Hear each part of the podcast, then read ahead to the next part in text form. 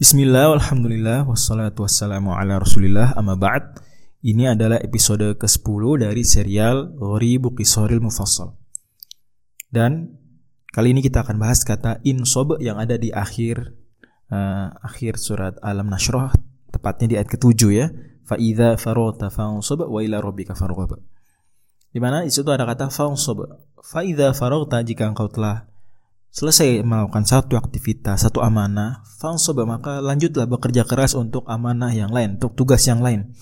Ini menunjukkan Nabi Muhammad SAW beliau benar-benar memaksimalkan waktu sangat produktif dan luar biasa 23 tahun kurang lebih berdakwah hasilnya masya Allah kita rasakan sampai hari ini dan insob yang ada di ayat tersebut Tentu fi'il mudhari'nya adalah yansobu. Bagaimana dengan fi'il madhinya? Fi'il madhinya adalah nasiba.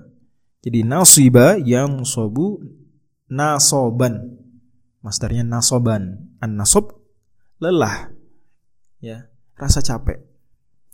Nah, mirip dia berarti dengan ta'iba abu ta'aban dari sisi wazan dan makna.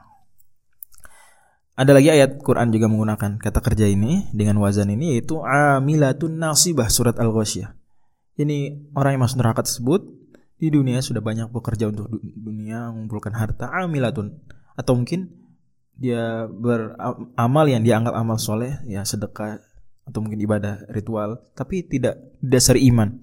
Nasibah udah capek dia pada tapi ujung-ujungnya tasla naron hamiyah naudzubillah min dalik ada lagi variasi dari fi'il dengan akar huruf yang sama ya nun sod dan ba yaitu nasoba yang sibu nasban sukun sekarang sotnya.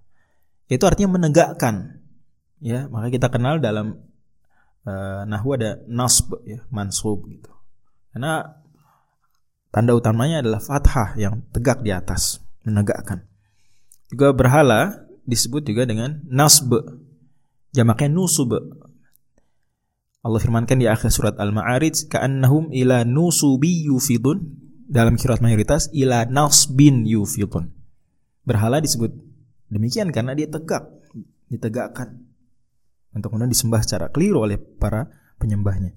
Jamaknya nasb juga bisa ansob ya. Seperti surat Al-Maidah wal ansobu wal azlamu rijisun dan seterusnya. Nah, akar kata ini nun sod dan ba memiliki makna istiqoqi itu apa? Iqamatu syai, menegakkan sesuatu. Oke, yang tadi nasoba yang sibuk jelas. Bagaimana dengan yang lelah? Ya karena lelah kita seolah-olah rebahan, generasi nyantai, terus bangkit untuk bekerja, itu menegakkan sesuatu. Allah alam bisawab.